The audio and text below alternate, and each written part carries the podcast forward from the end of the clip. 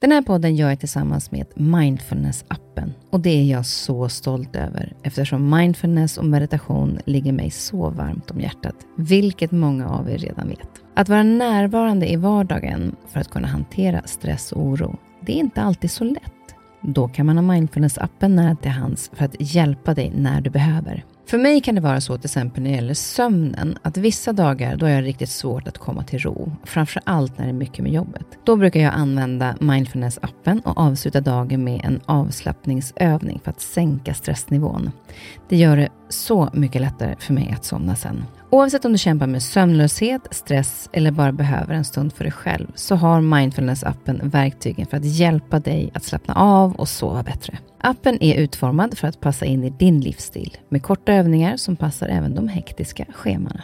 Som lyssnare till Nyfiken på så får ni 40% rabatt på prenumerationen av Mindfulness-appen. Länk till erbjudandet ja, det hittar ni i poddens Instagram, Kaspersen nyfiken på. Eller så går ni in på themindfulnessapp.com kristin. Du lyssnar på en podd från Perfect Day. Välkommen till min podd Nyfiken på.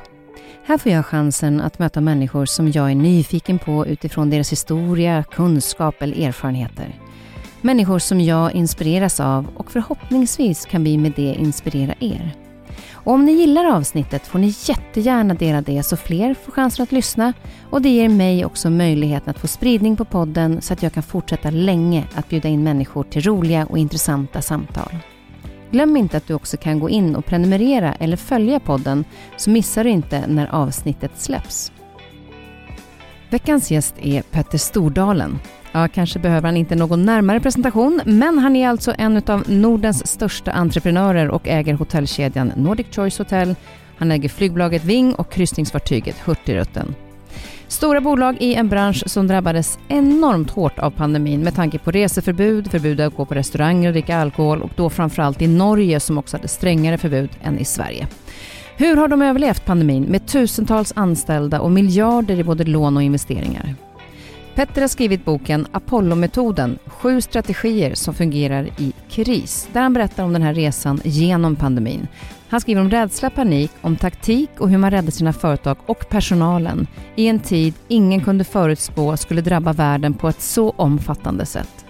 Han visar sig sårbar, men också vad som har fått honom att vända och hitta energin och att de även skulle ta sig igenom den här tiden som faktiskt ingen visste hur länge skulle hålla på. Jag är så glad att Petter valt att komma hit och berätta om den här tiden som varit och vad han lärt sig på resans gång. Jag vill redan nu förvarna då jag är norsk och har svårt att prata svenska med norrmän och tvärtom. Eh, men jag ska göra mitt yttersta för att det ska bli så förståeligt som möjligt. Men kan hända att det blir en del norska även från mitt håll.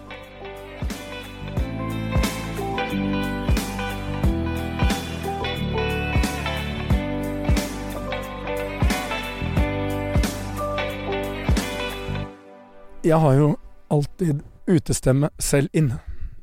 Utestemme selv inn? Inne. Utestemme inne. Norsken din er bra. Ja, men ikke helt. Ikke, ikke perfekt. Nei. Nå må du huske på å snakke svensk. Ja, men jeg kan gjøre begge deler. Ja. Svorsk. Skavlan-svorsk. Nei, jeg er ikke Skavlan-svorsk. Kristins-svorsk. Ja, det er jeg. Ja. Så velkommen, Petter. Tusen takk.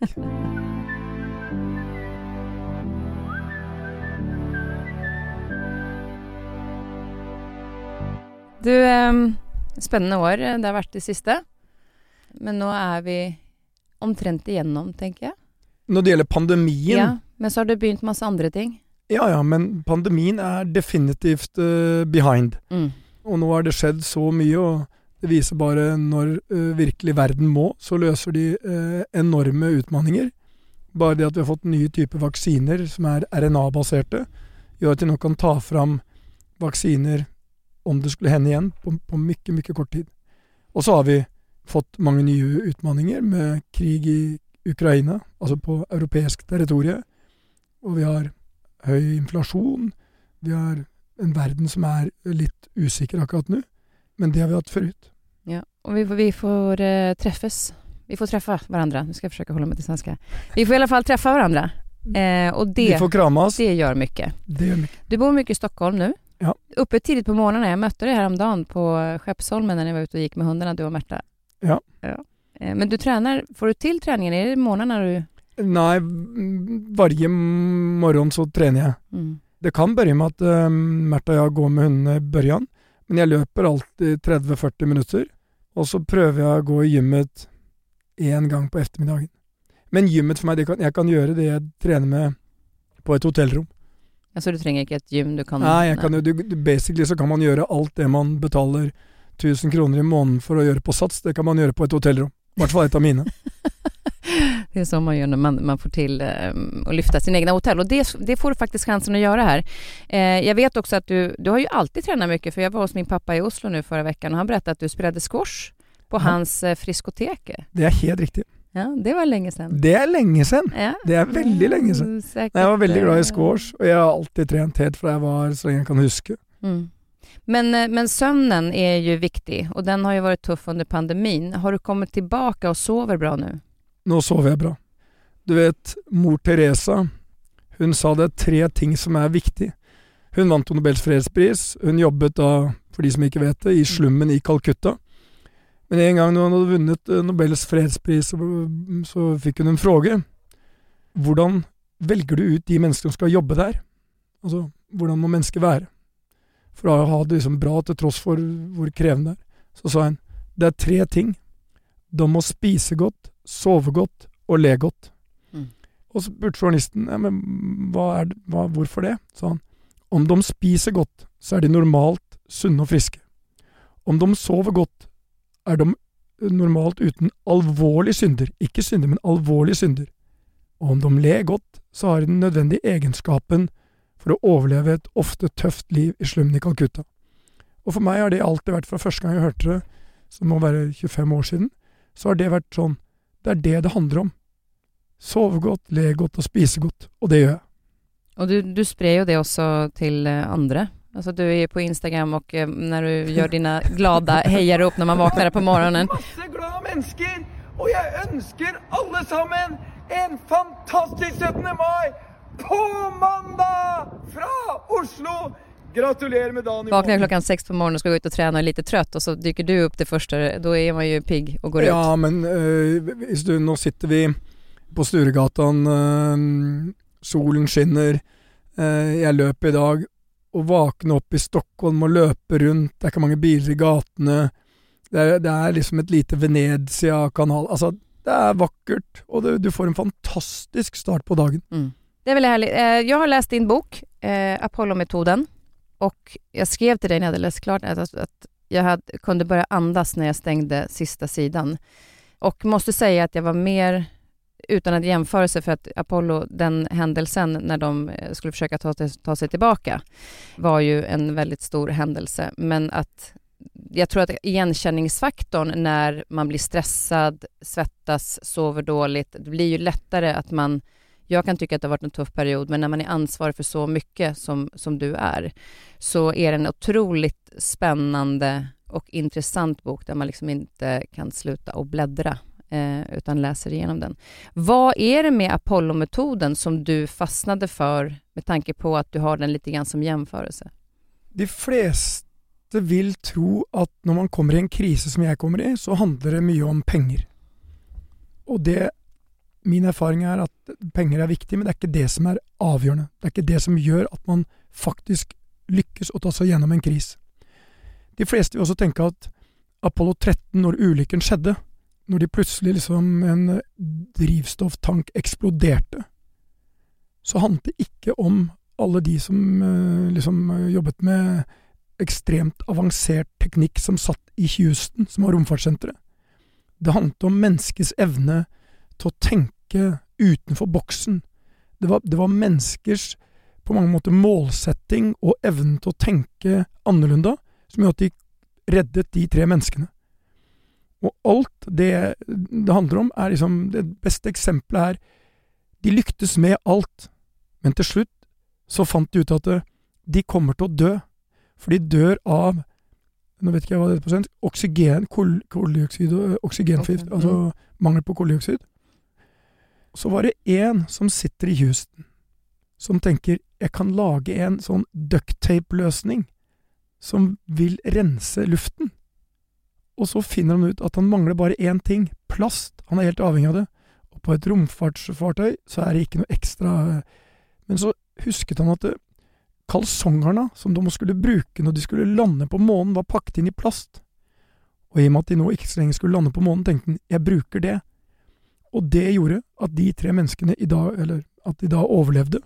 Og jeg syns det er en god beskrivelse på For meg så handlet krisen om at jeg hadde jævlig mye bra mennesker rundt meg som torde å ta ansvar når det gjaldt, og som liksom De reiste seg opp og tok et enormt ansvar midt i krisen. Det var få, men de gjorde en helt ufattelig jobb. Og det tok oss igjennom. Pengene var på mange måter et litt mer teknisk eh, problem som vi måtte løse. Men hvis vi da begynner fra, fra begynnelsen der, eh, ja, der foretaket gikk bedre enn noensinne. Ja. Ni hadde jo liksom kom til banken og var liksom tjoho.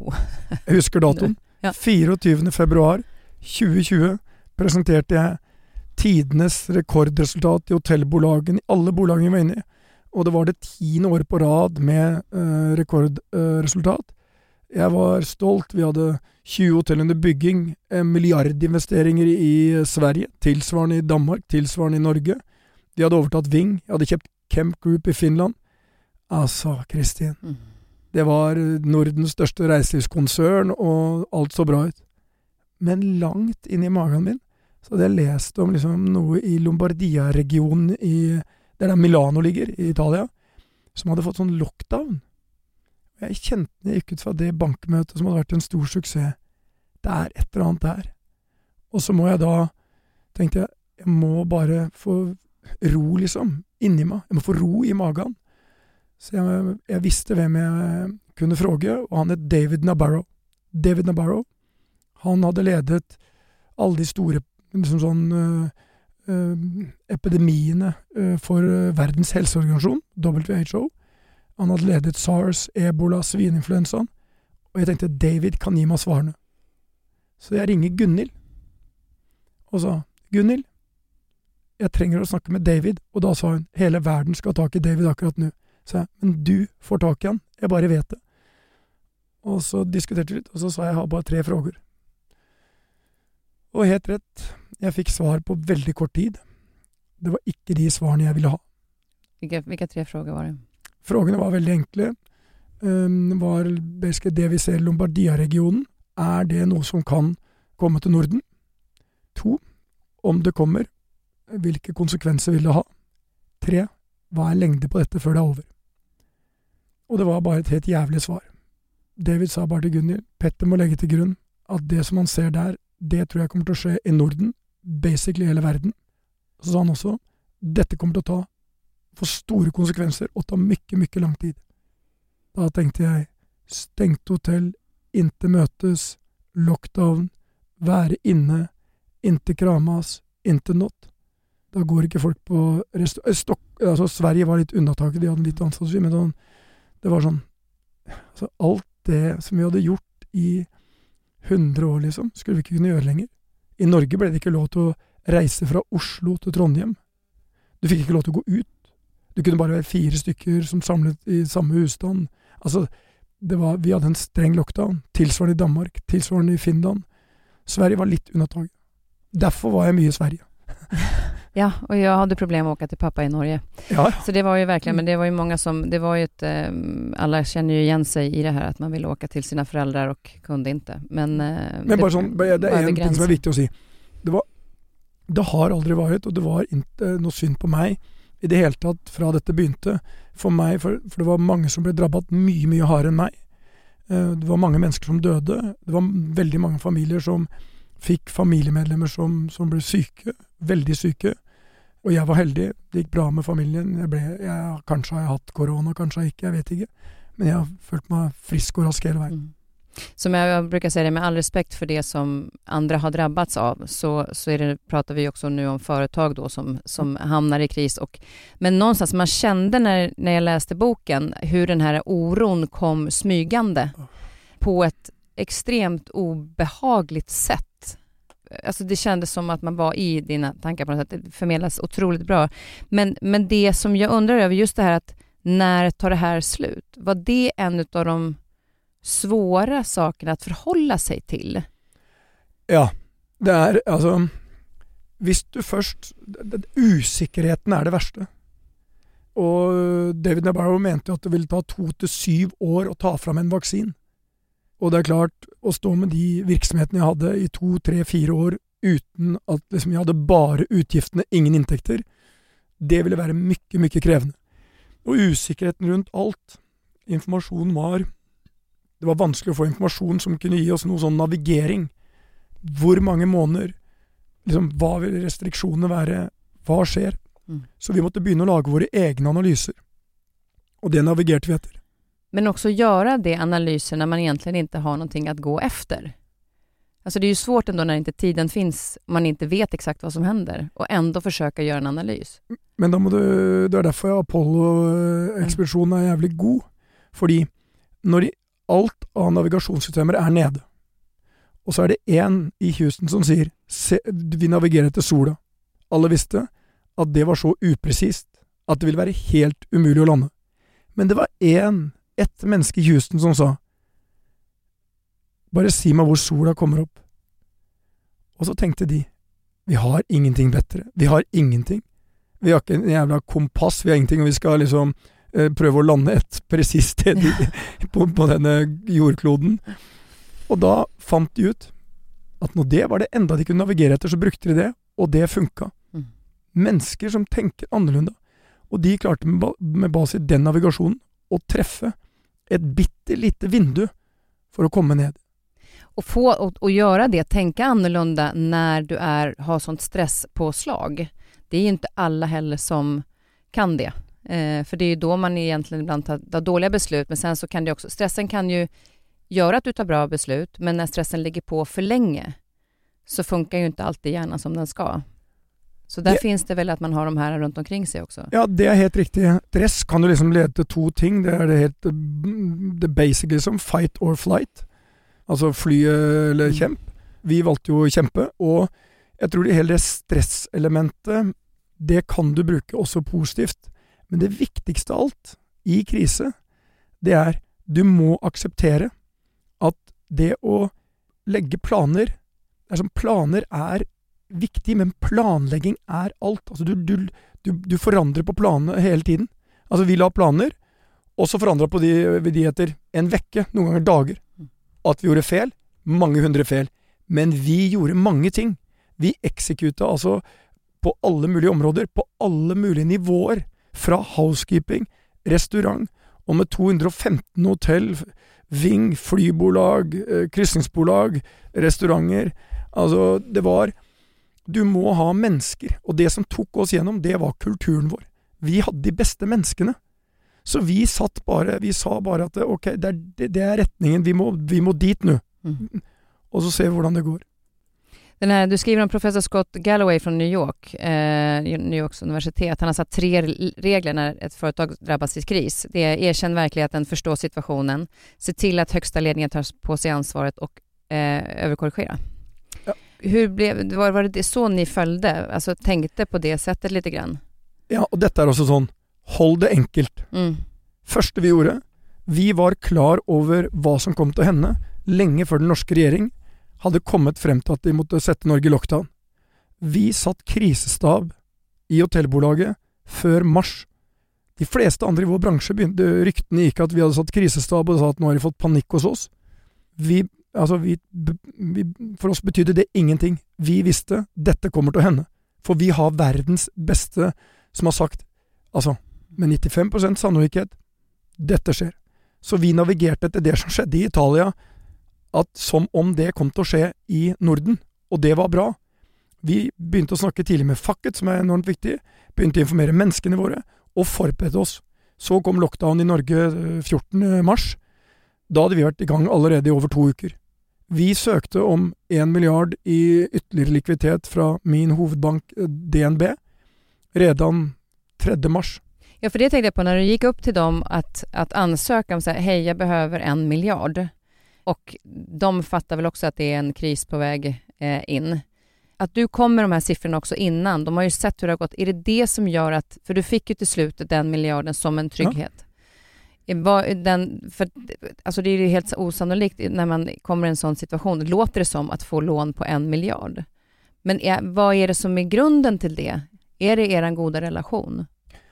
De fleste de tror at eh, banker låner penger til bolag, og det er delvis riktig. Men banker låner penger til mennesker, og tillit er helt avgjørende. Banken må tro at du klarer å betale tilbake det jeg låner av. Det er jo hele ideen. Og jeg hadde hatt samme bank for hotellbolaget i 25 år. Jeg visste jeg hadde tillit. Jeg visste at de stolte på meg, de lita på at vi, vi har alltid liksom betalt tilbake våre skulder. Vi har alltid overholdt alle forpliktelsene våre. Og akkurat nå sto vi i en gigantisk krise. Og til tross for at mange media skrev i børjan at jeg kom til å klare meg i tre måneder, fordi alle visste så at uh, liksom 215 hotell, altså hvor mye penger taper han? Mm. Uh, jækla mye. Men jeg hadde, jeg hadde jo Jeg brukte ingen, ikke en krone av den ekstramilliarden før i februar 21. Så de første hele året så klarte jeg meg kun med de oppsparte midlene, de midlene jeg hadde. Og så trakk vi litt på koronamilliarden, og så litt mer. Og når jeg sitter her med deg nå, så er jeg i ferd med å uh, betale tilbake store deler av den kreditten redan. Og da er det bare noen måneder efter det at allting har lugnat ned seg? Ja, I januar var det jo fortfarande eh, problematikk. Altså det var jo et helvete. I, I Norge så ble det jo en ny lockdown desember, januar, februar. Mm. Vi fikk ikke engang lov til å selge alkohol i desember. Og, og, januar var jo altså uh, som en vandring i skyggenes dal. Det skjedde ingenting. Februar var det samme. Og nå er det meg og eh, på vei tilbake. Nå er solen på vei tilbake, og vi kramas i Norge, og det er konferanse, og det koker.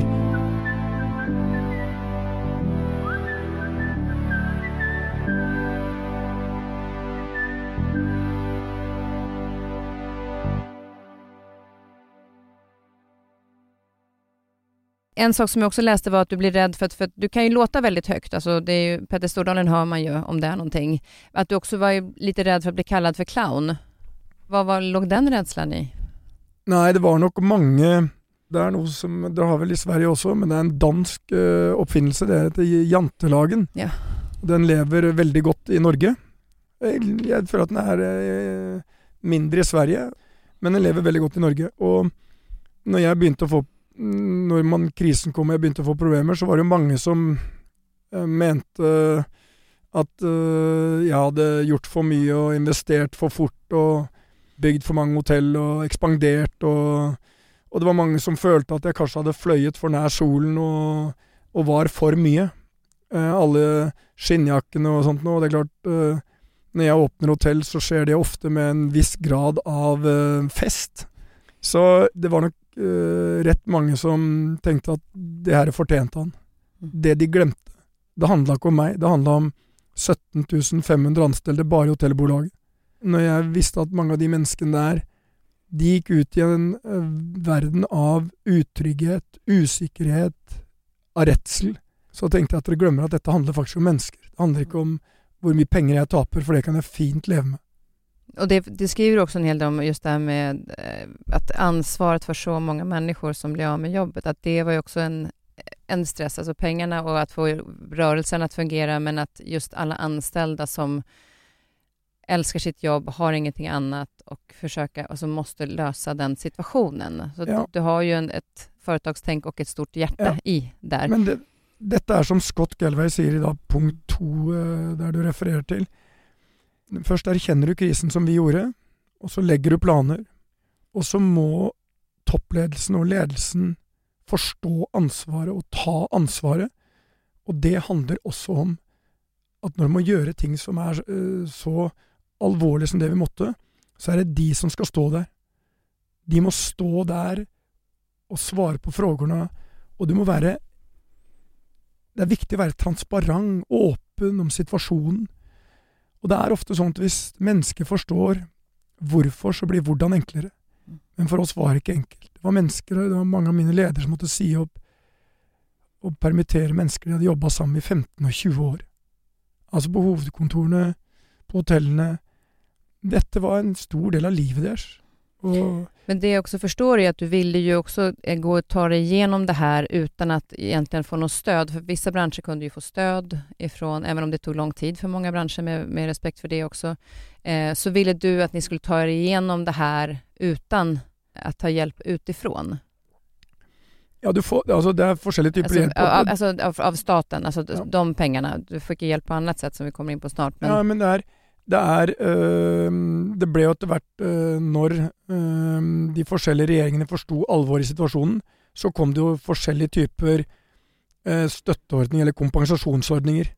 For det var jo mange som fikk det vi kaller næringsforbud. Altså, du får ikke lenger lov til å holde en konferanse.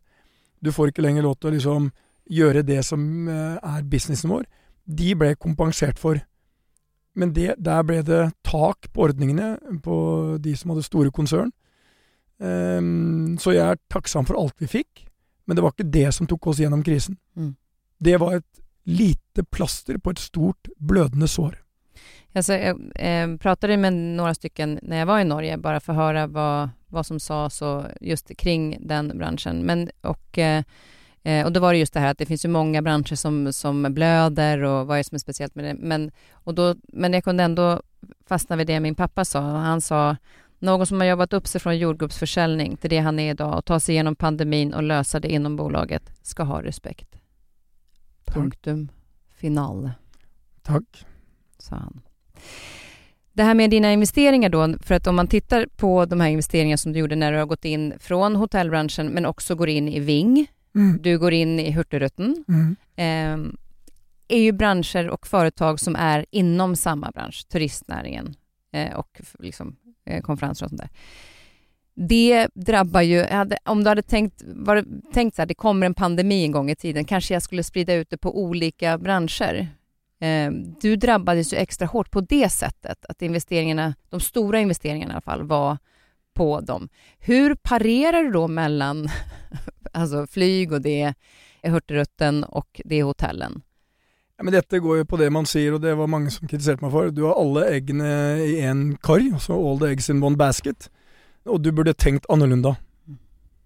For meg så Hotellene begynte som en investering i mitt liv, og så ble det senere mitt liv. Det er livet mitt.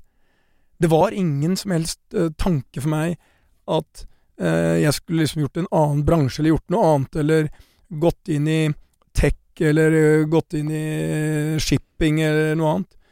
Ja, jeg har investeringer i tech, jeg har investeringer i shipping, men det jeg elsker, det som er livet mitt, det er hotell og reiseliv.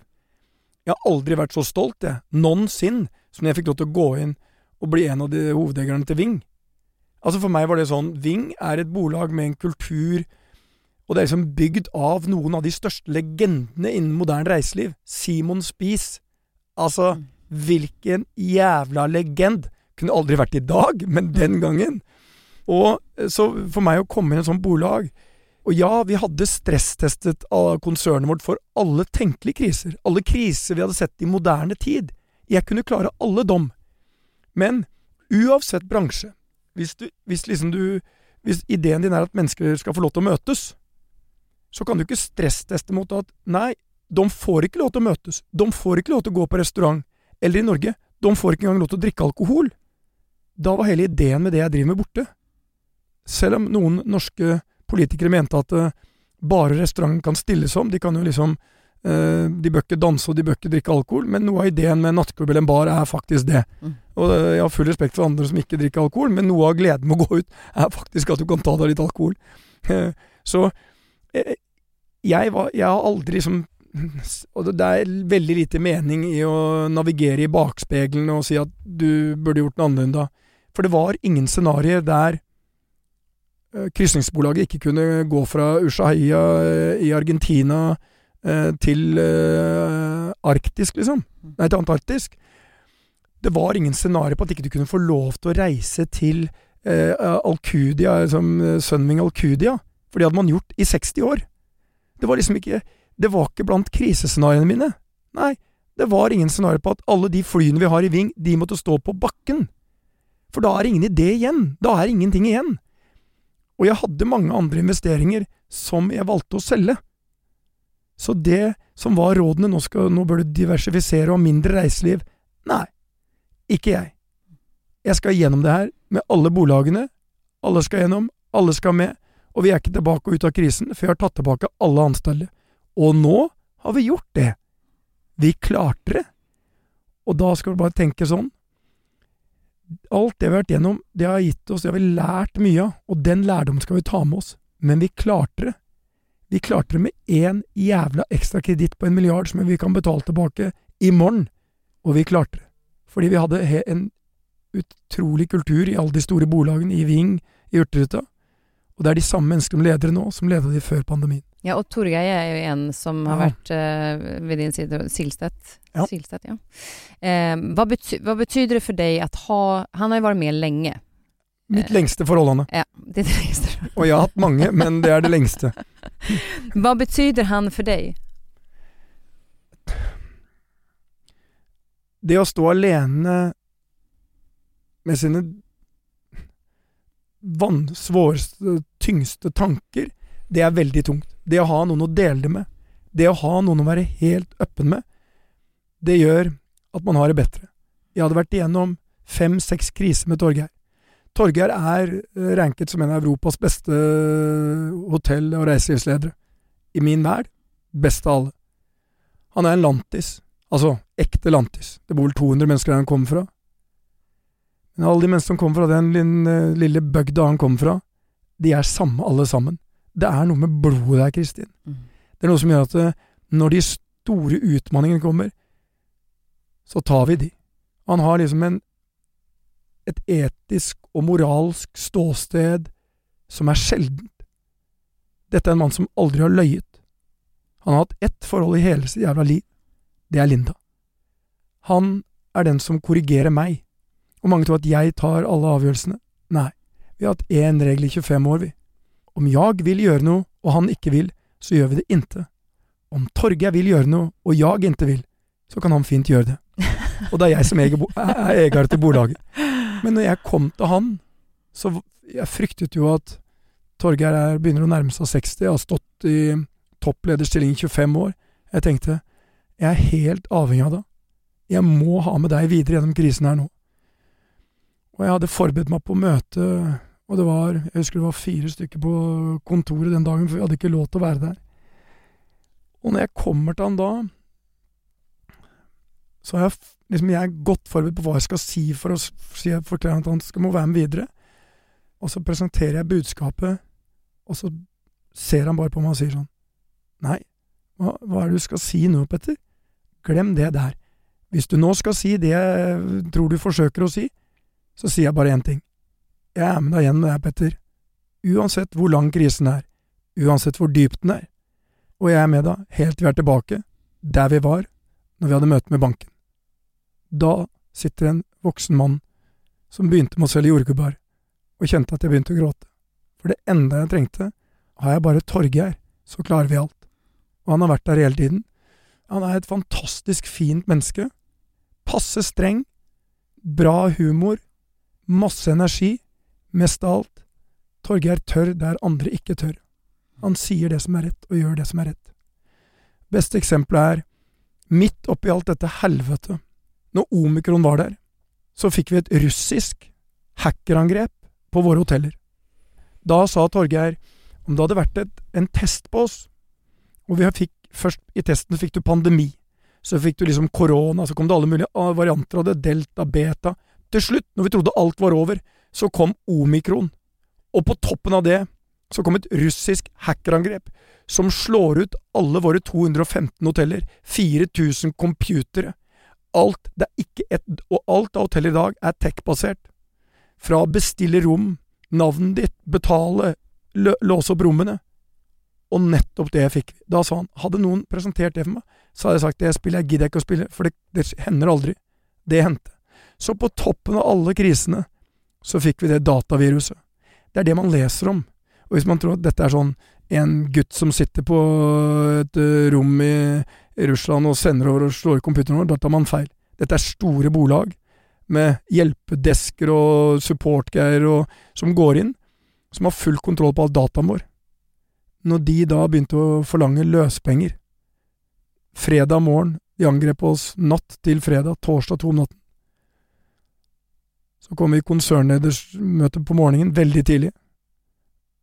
Jeg, jeg så på Torgeir, jeg visste han tenkte som meg.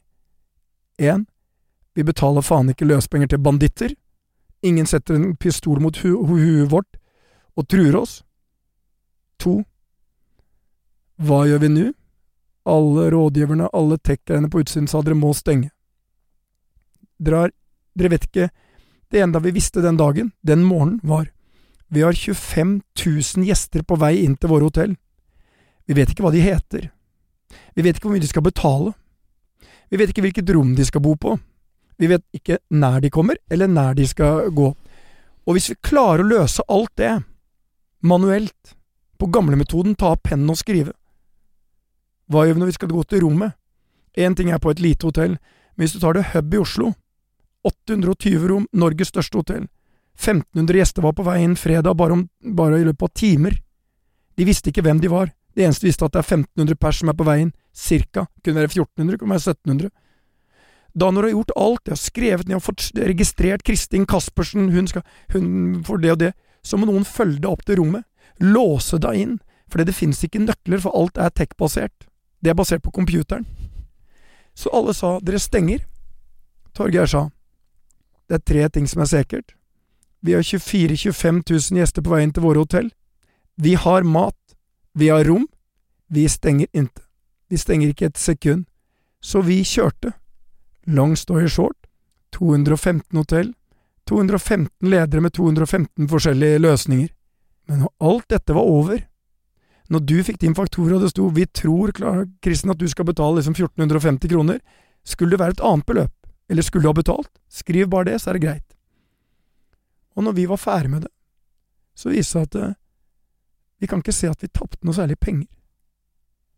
Men det mest imponerende var når Wall Street Journal skrev en artikkel basert på det var en i Google som sa ja. av alle som har liksom vært igjennom eh, sånne hackerangrep, så har jeg aldri sett et bolag noensinne og dette er nummer åttende toppen i Google, som heter verdens største bolag. Han sa den execution de viste, det er verdensklasse. Og hun som skrev artikkelen, hun eh, lagde en flott artikkel og skrev at dette har man aldri sett før. Alle smiler på bildene. Ja, så ba jeg om å få sende foto. Vi sendte foto fra alle hotellene våre, for vi hadde jo samla inn fotoer og videoer. Hun sa nei, jeg må ikke ha sånne bilder, jeg må ha noen bilder hvor folk er deprimert, de, de river seg i håret, de, de, har ingen løsninger. Men alle bildene og videoene vi fikk, var mennesker som Noen hadde ballonger, de fira det. Dette har vi aldri gjort før. Vi er tilbake til liksom grottemenneskes uh, håndtering av et hotell. Det var tilbake til menneskene, og vi sa det er sånn det er. Og det er choice. Vi ble angrepet, og svaret vårt var vi tar det med et stort smil, vi skal løse det her. Vi er Nordic Choice. Det var jeg av alt jeg har vært stolt av gjennom 25 år. Ingenting kommer til å slå det. Aldri. Noensinne. Det er så herlig, for det, man, man leser også i boken om det, at, at, eh, for du skriver veldig eh, varmt om din personal og prater jo alltid veldig varmt om dem, men at de også ringde inn familiemedlemmer ja, det var. Sina, ja, ja. Alltså sina familjemedlemmar för att bara, ni måste komma hit nu för vi måste hjälpas åt. Ja. Alltså den är ju fantastisk. Det att det ju... finns en kreativitet även i dem där på plats. Att det räcker inte med oss, vi måste få in fler. Det var, det var barn, hadde altså barnevernet, det var barn eh, på 10-12 år som, som liksom gjorde jobb på hotellet. For vi var avhengig av så Alt det data gjør, mm. det måtte vi gjøre manuelt. Så vi var avhengig av tusener av ekstra hender. Men hele bolaget bestemte seg bare for Nei, nei, nei, dere tror ikke det er mulig, vi skal vise det er mulig. Ble det litt kaos? Ja. Men de fiksa det. det ble kaos, men med et leende.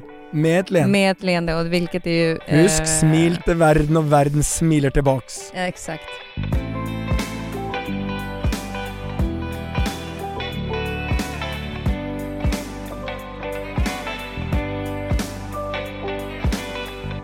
Men just det när du pratar om permittera, för ni permitterade ju 8000, men ni började i toppen, eh, har du pratat om, vilket var väldigt viktigt för dig, eller för er, att göra. Hva, hva låg tanken bakom det? Nei, det er veldig lett når man ser på bolag som er i krise, at um, ledere og mellomledere begynner å permittere de under seg. Vi visste at um, det var viktig for oss å sende et klart signal om at denne gangen er annorlunda. annerledes. Så vi, vi tok hardest på hovedkontoret. Vi halverte staben på hovedkontoret i løpet av uker, eh, både i Norge og Sverige. Og det tror jeg var en veldig viktig signaleffekt overfor alle. At når de begynner så dramatisk på hovedkontoret, så kom det til liksom Her må alle altså Alle kommer til å bli rammet av det. Og det er, vel, det er klart at det på hovedkontoret vårt i Norge og Sverige, spesielt i Norge, så er det mennesker som ble permittert, som hadde jobba Det var mennesker som, som jeg hadde jobba med i over 15 år, som jeg kjente godt. Jeg kjente familien deres. Og det er Det å tape penger er én ting, men det å si opp mm, Det er, sånn, det er helt jævlig. Mm. Og, og ma mange måtte vi gjøre det på Zoom og Hangout. Og det, det, er jævlig å gjøre det personlig, men det er enda verre, for det er, det er et eller annet uverdig over det. Det er et eller annet uh, ufattelig trist over det.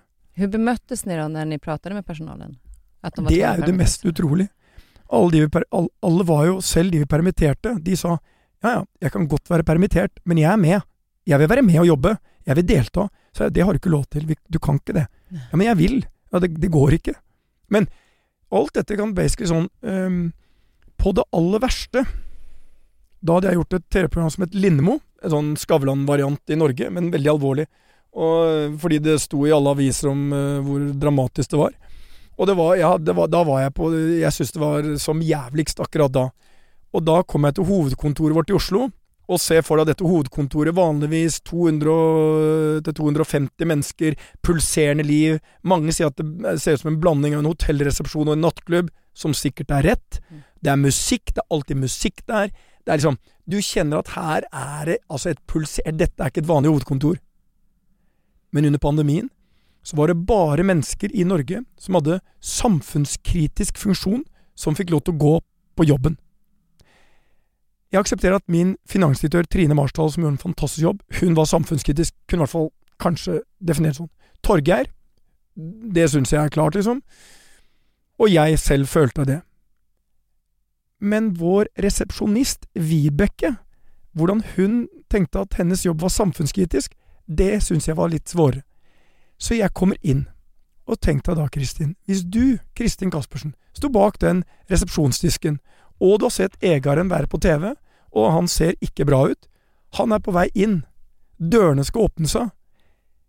Hun var der, sa hun senere, for å passe på at det var musikk, og at vi fikk litt mat, som var vanskelig å få da, for det måtte være regler for hvor du kunne bli handlet. Hvilken låt spiller du da? Hvilken er Og jeg stilte henne frågen når jeg holdt foredrag, og alle sier sånn her We are the champions, uh, we are back, alle sånne upbeat-låter. Eller på Norge, da, hvis noen sier sånn du, De spiller Jahn Teigens 'Optimist'. Nei, nei, nei.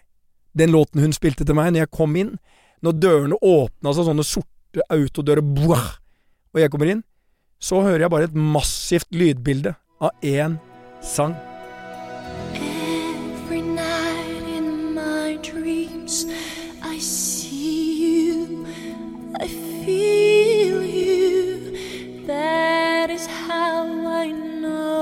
Céline Dion, og det var sangen hun sang når Titanic hadde gått på isfjell og var på vei ned. Og jeg bare sa, Vibeke, jeg bare elsker det, altså. For vet du hva det handler om? Og det, det speiler hele organisasjonen. Det handler om mennesker som tør. Det handler om kultur. Det handler om Du er ikke redd for å spille den låten, for du vet at det er oss. Galgenhumor, latter, er enormt viktig, selv når du står midt i en krise. Du må le litt. Alt kan ikke bare være gravalvorlig. Du må ha med deg humoren. Og jeg tenkte Derfor elsker jeg dette bolaget. For du spiller Céline Dion, den Titanic-låta. den er helt, helt underbar. Once more, you open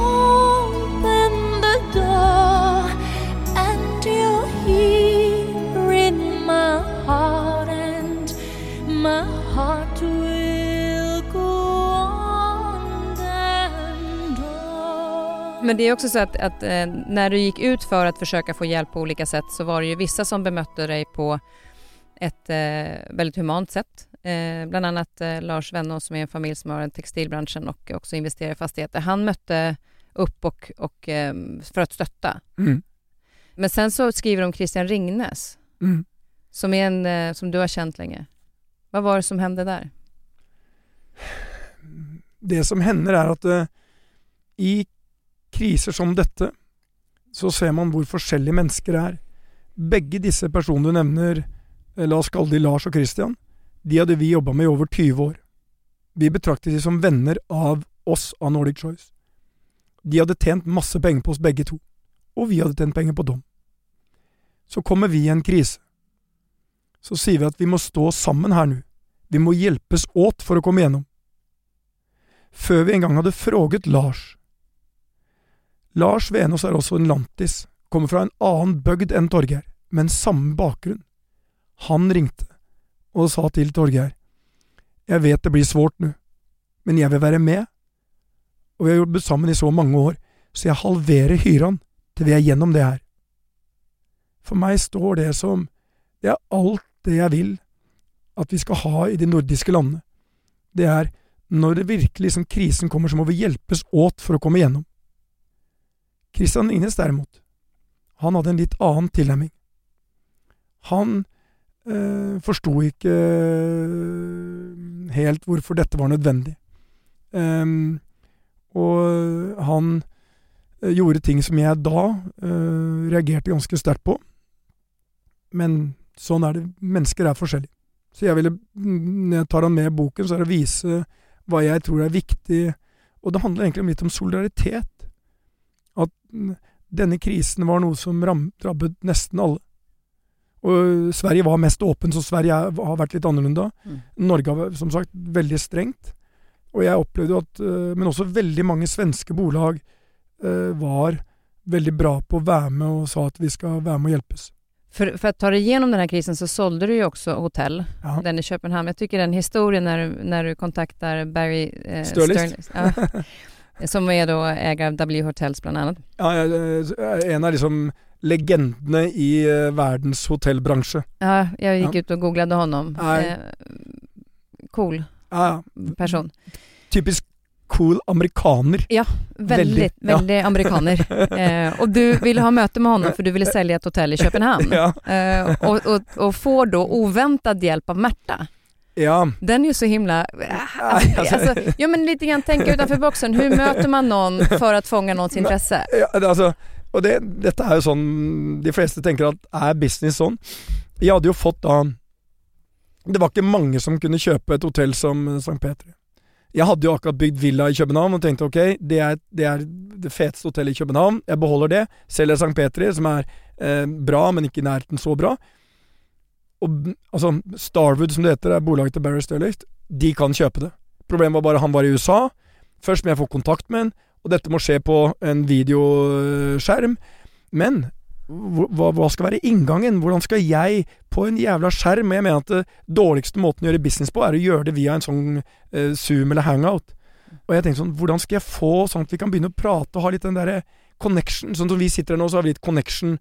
Hadde vi gjort dette på telefon, så hadde det blitt helt annerledes. Men når jeg leser av kroppsspråket, hvordan du smiler, ler, ser på meg nå, sitter der med hånden hvilende lett på til Nå kommer historien. Petter kom til poenget. Um, Og så sitter jeg og sier til Det tilfeldig så sitter Märtha og jeg prater og sier sånn jeg skal prate med han Barry Sterling, Jeg bare, jeg bare, hvordan skal jeg åpne, liksom? Jeg kan ikke begynne å si at jeg vil selge deg et hotell. Det blir helt feil. Jeg må ha en annen åpning. Jeg må prate med han så han eh, skjønner liksom. Så sa han Oi, er ikke det Hva heter han? Burrys, eller ikke. Jeg tror jeg kjenner hans datter. tenkte jeg. Hæ? Dotter? Hvordan kjenner du datteren hans? Jo, hun rir sånn og sånn. Märtha hadde vært på landslaget i tolv år, øh, i ridning. Og der var jo, Det er en kjent sak at ganske mange mennesker øh, i den sporten øh, har rike foreldre. Altså Burry Sturlicht, datteren til Gades, datteren til Bloomberg. Noen av de store sponsorene til sporten er Hennes og Maurits. Så dette er en sport med mye rike mennesker. Hun sa nei, jeg kjenner henne. Og hun har en helt fantastisk hest. Hun var med sånn og sånn og sånn, og sånn og sånn og sånn. Hun forteller til meg alt mulig, og jeg sier du må lære meg mer. Dette er inngangen min. Dette er hvordan jeg kan begynne å prate med han. Og så er ja, Når jeg får han på skjermen, så er han Du vil ikke tro han står altså og spiser salat på sin store da gård ute på landet der hesten er, og det er, det, er, det, er, det er, så amerikansk at det kunne vært i en film. Og jeg sitter der på mitt kjøkkenbord og tenker det er skilnaden akkurat nå på deg og meg. Og så, så, begynner jeg bare å prate om hvor er du her? Ja, der. Ja, det er der hesten er. Ja, jeg vet jo at liksom uh, datteren din Så begynte han Altså, stikk når han var i gang med det, så sa jeg jeg hørte liksom at uh, hesten ble skadet og bla, bla, bla. Hvordan går det? Og hun prata, og så forklarte jeg da med Märtha og at jeg kjente Vi brukte mer tid på det hestegreiene. og ridningen og datteren enn vi senere brukte på businessdelen av det. Men da ble vi litt Vi, vi ble litt venner. Vi prata litt, og jeg hadde lært så mye om Märtha da, om sporten, om tingene, om datteren hans. Og han, selvfølgelig. Hvis du skal prate med Kristin Kaspersen om noe, begynn å prate om hennes 25 år gamle sønn. Begynn å prate om hvordan livet hans er. Da er vi i gang. Hva er det første vi begynner å prate med når vi møtes i dag? Barna våre.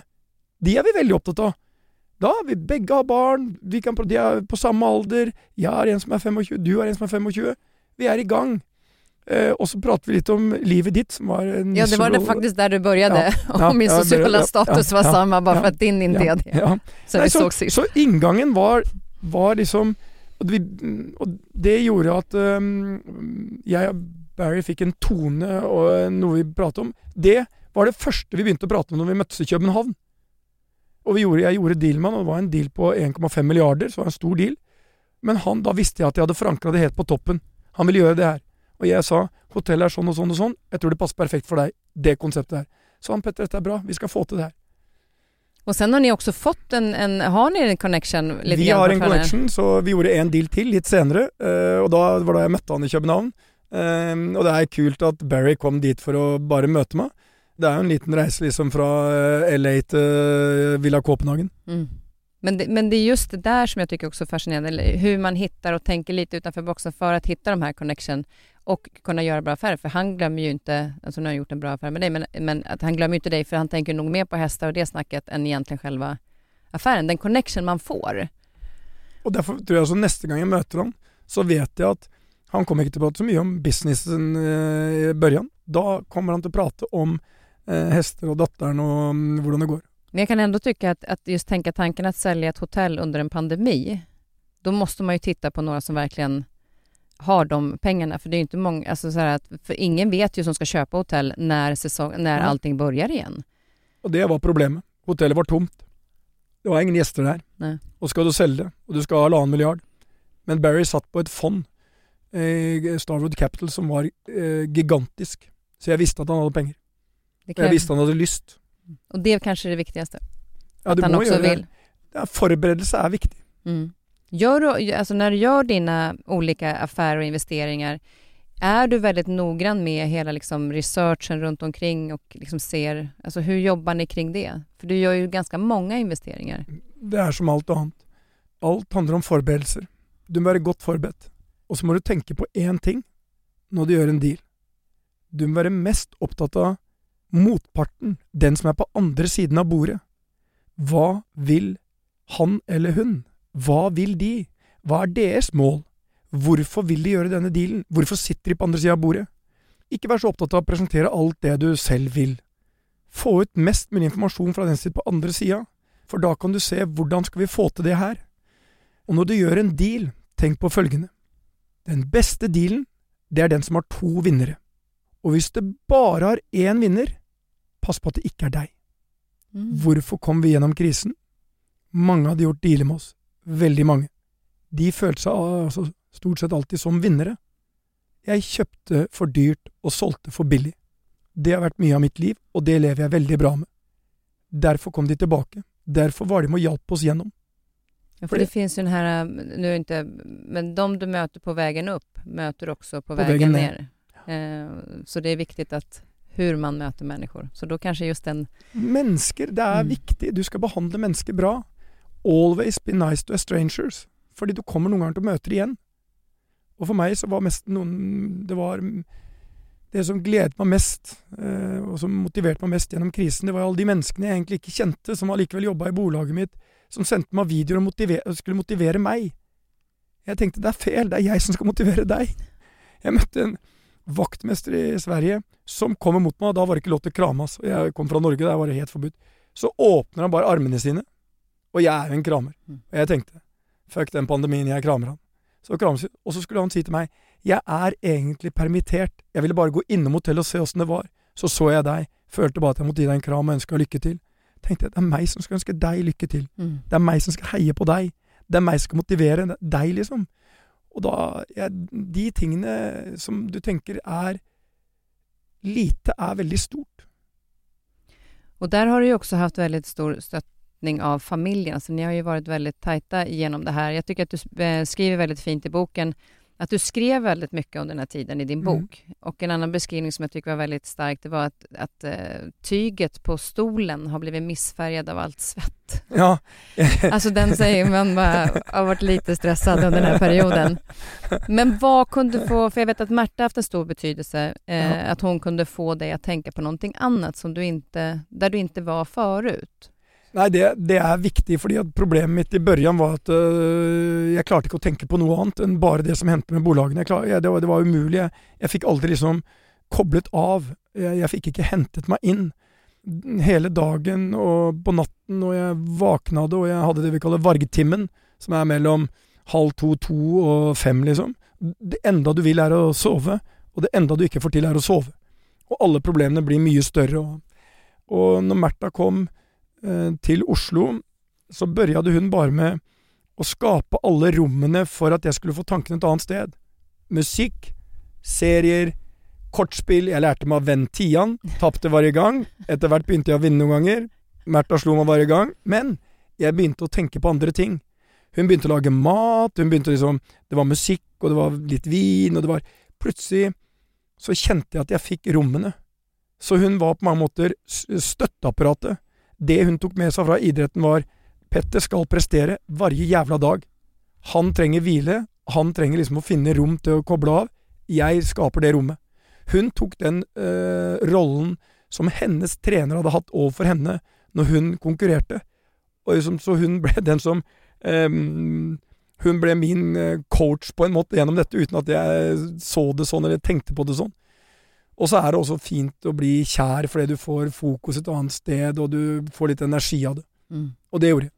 Men jeg så jo på mange Vi runda jo Netflix-serier og alle andre serier og veldig Jeg, jeg er jo Jeg sier at her er- sitter en svenske i en norsk kropp, og jeg føler jo at liksom Jeg begynte å se på liksom eh, subtitles på svensk, og det, til slutt så så jeg ikke skillnaden på svensk og norsk lenger. Det, det bare Akkurat som deg, når du prater med meg, så merker jeg at du switcher til norsk. Ja. Selv om du er eh, flytende svensk. Mm. Og norsk. Og norsk. Nesten. Ja, nesten.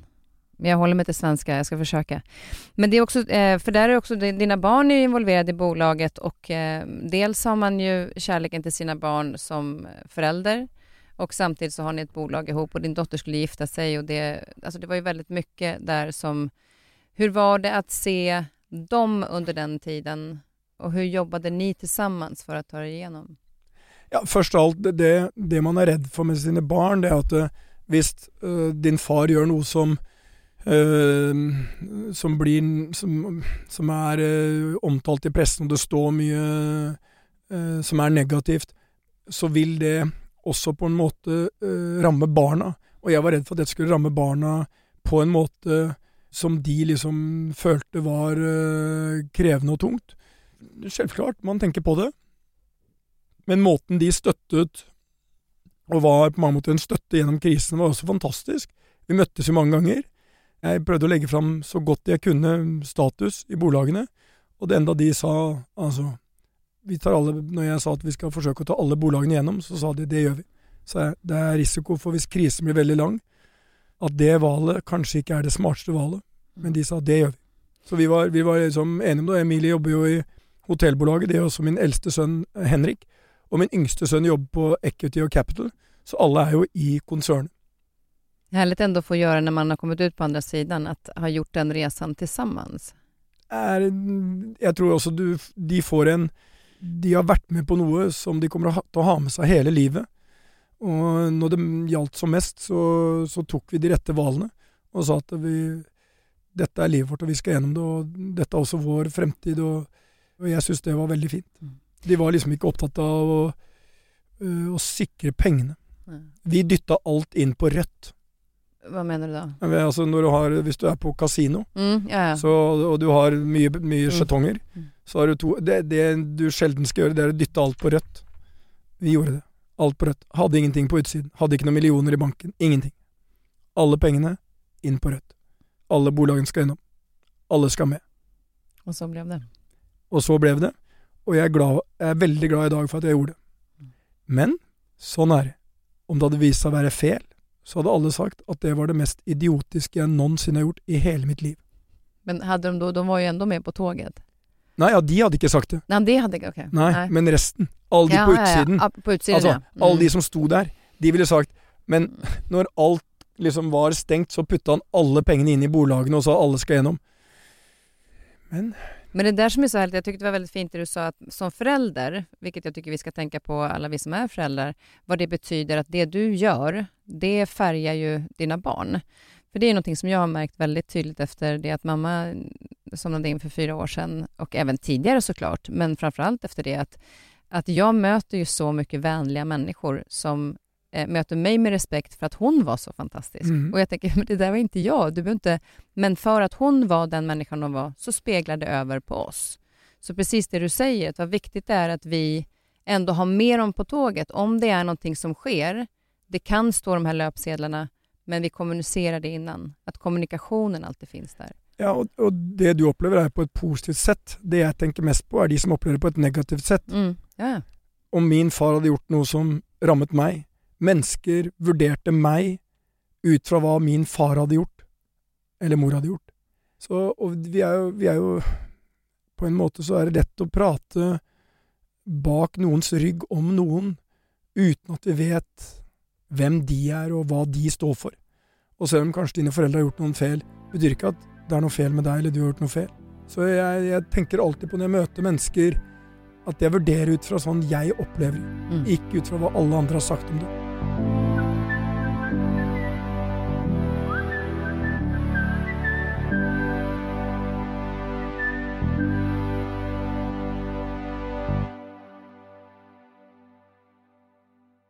Det jag tänker nu när ni har kommit igenom det här, finns det saker och ting som du värderar annorlunda idag?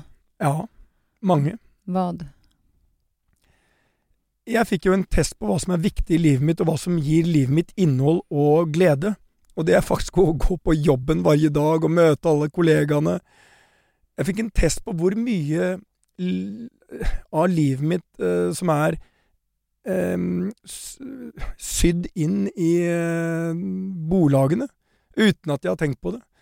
Jeg fikk en helt ny opplevelse av øh, viktigheten av å være ødmjuk, tenke annerledes. Og jeg skal ta med alle de tingene, og jeg kommer aldri til å glemme de to årene som vi sto i en pandemi, og at det har definitivt forandret meg som menneske. Ja, for det sier jo Märtha, hva jeg har forstått, at du er annorlunda i dag enn innenfor pandemien. På hvilket sett da, om du tenker liksom mer, har det med tiden å gjøre, eller nærværen å gjøre? Jeg tror det har mest av alt å gjøre med Det er lett når du bare har Jeg har hatt, hatt suksess i veldig mange år, og plutselig så Du blir litt fartsblind. Du glemmer å se mange ting som er viktig. Altså Du mister kanskje litt ødmjukheten, ansvar Du liksom Det er du, Det skjer ting med deg du ikke tenker over, for det går liksom sakte. Så jeg gjorde dealer og det ga meg egentlig ikke så veldig stor glede, liksom, bortsett fra Ving og Kemp, kanskje. Gjorde jeg mange dealer som egentlig ikke ga meg noe stor glede, men som tidligere, for ti år siden, ga meg enorm glede. Nå er den gleden tilbake. Nå er gleden min tilbake på små endringer. Jeg kan se på omsetningstallene på et hotell en dag og kjenne Yes! Nå leverer tapetfabrikken eh, i Nakka. eller nå leverer Post i Gøteborg, eller nå er de tilbake. De, restaurantene Oi, der så jeg at eh, nå var det liksom fullt på Stockholm under stjernene eller tak, eller Det. Alt det er tilbake sånt. Jeg, jeg, jeg kan nesten Jeg hadde noen eh, dager i forrige uke som var nesten da, da følte jeg nesten sånn eufori når jeg våknet om morgenen og tenkte sånn Wow! Nå kjenner jeg at vi er tilbake. Og den gleden, den, kjen, den kommer jeg til å beholde lenge. Men, men framtiden nå, nå i sommer, så er det da festen der i mitten av juni. Ja. Eh, hur ser sommeren ut? Annars, Ja. blir det mye jobb eller tar du deg ledig iblant? Nei, ferie er viktig. Ja. Alle skal ta ferie. Viktig, viktig å gjøre noe annet. Nei, jeg tar lang, lang ferie, men jeg, det betyr ikke at jeg vet at hver dag så leser jeg tallene og Altså, jeg følger jo med. Mm. Det er som å følge med på Har, kom, har bolaget puls? Ja ja, nå går det. Så det er det første jeg gjør.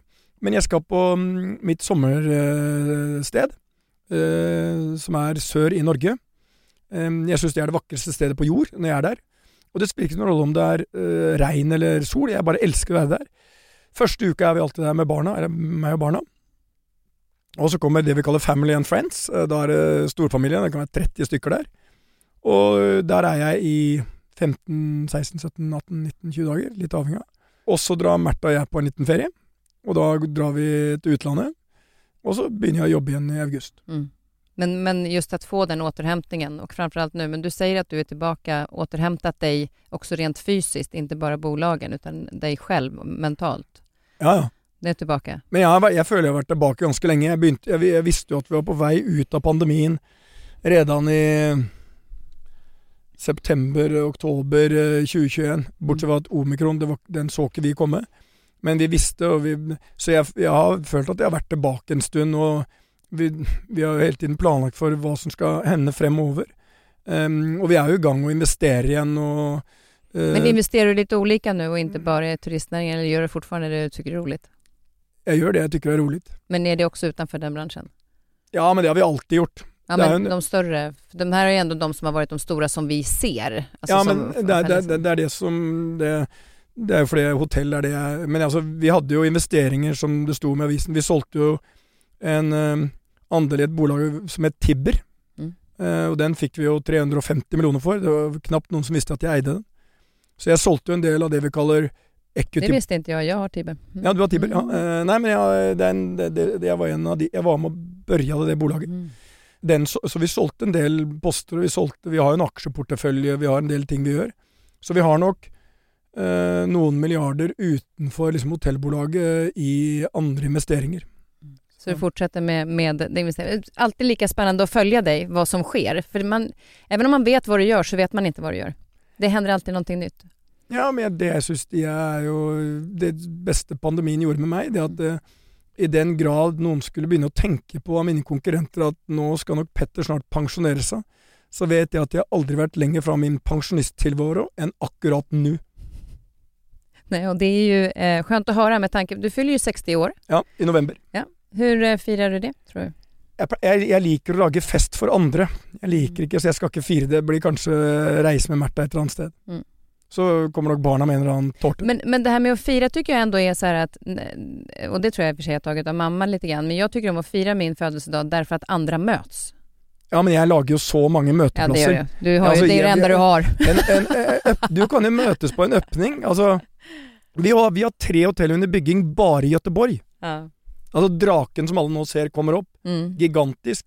Pier som ligger med Volvo Science Center, som er et av to sånne senter i hele verden. Mm. Og så skal vi gjøre Karatårnet, Nord-Europas høyeste bygg. Altså, der skal vi ha hotell. Så, og det Jeg har mange svenske byer vi investerer i. Mm. Så jeg, jeg liker å organisere fest for andre. Lage magiske møteplasser. Og det er vi takksomme for. Hva er du nyfiken på? Livet. Livet. Mm. Hva, inne, hva, innebærer det? Det er for meg er det sånn Jeg syns øh, hvordan livet har øh, Altså, et levd liv er et liv med oppturer og nedturer. Men du kan faktisk lære mer av nedturene enn av oppturene. Og mange av de tingene Da Man setter så uendelig pris på alle de fine dagene hvis du også har noen regnværsdager. Mm. Hvis du bare har sol varje dag, så slutter du, så slutter du å bli, sette pris på solen. Men i går når jeg gikk i Stockholm, og solen var der, 15-16 grader i skyggen, da ser du hvordan mennesker setter pris på soldagene.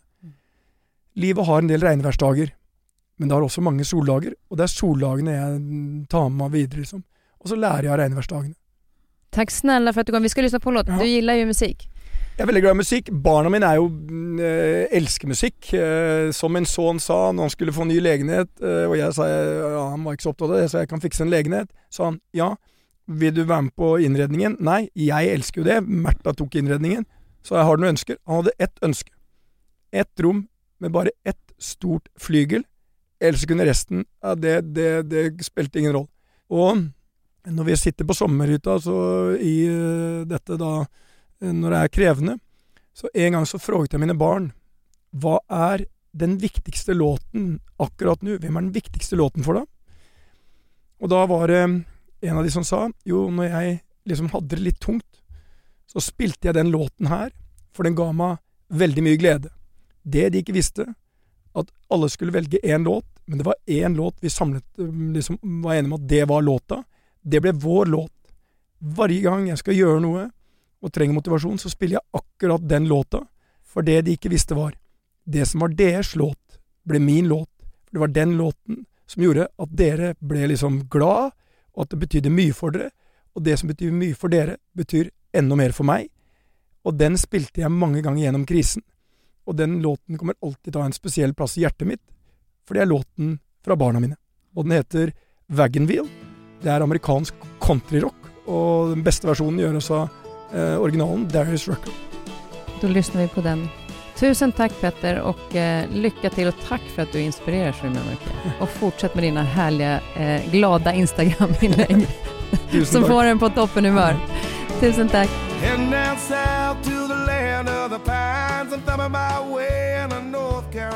I nästa veckas avsnitt träffar jag kriminolog, författare och föreläsaren Maria Duva som skrivit flertalet böcker för barn, ungdomar och föräldrar.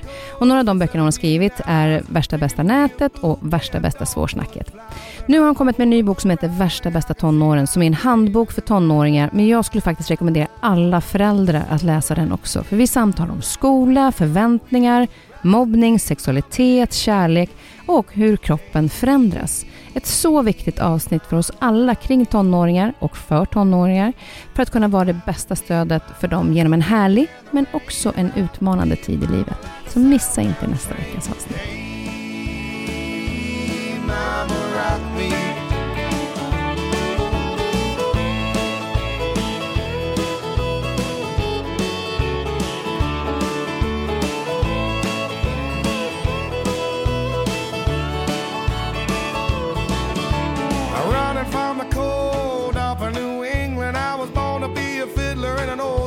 String band. My baby plays the guitar.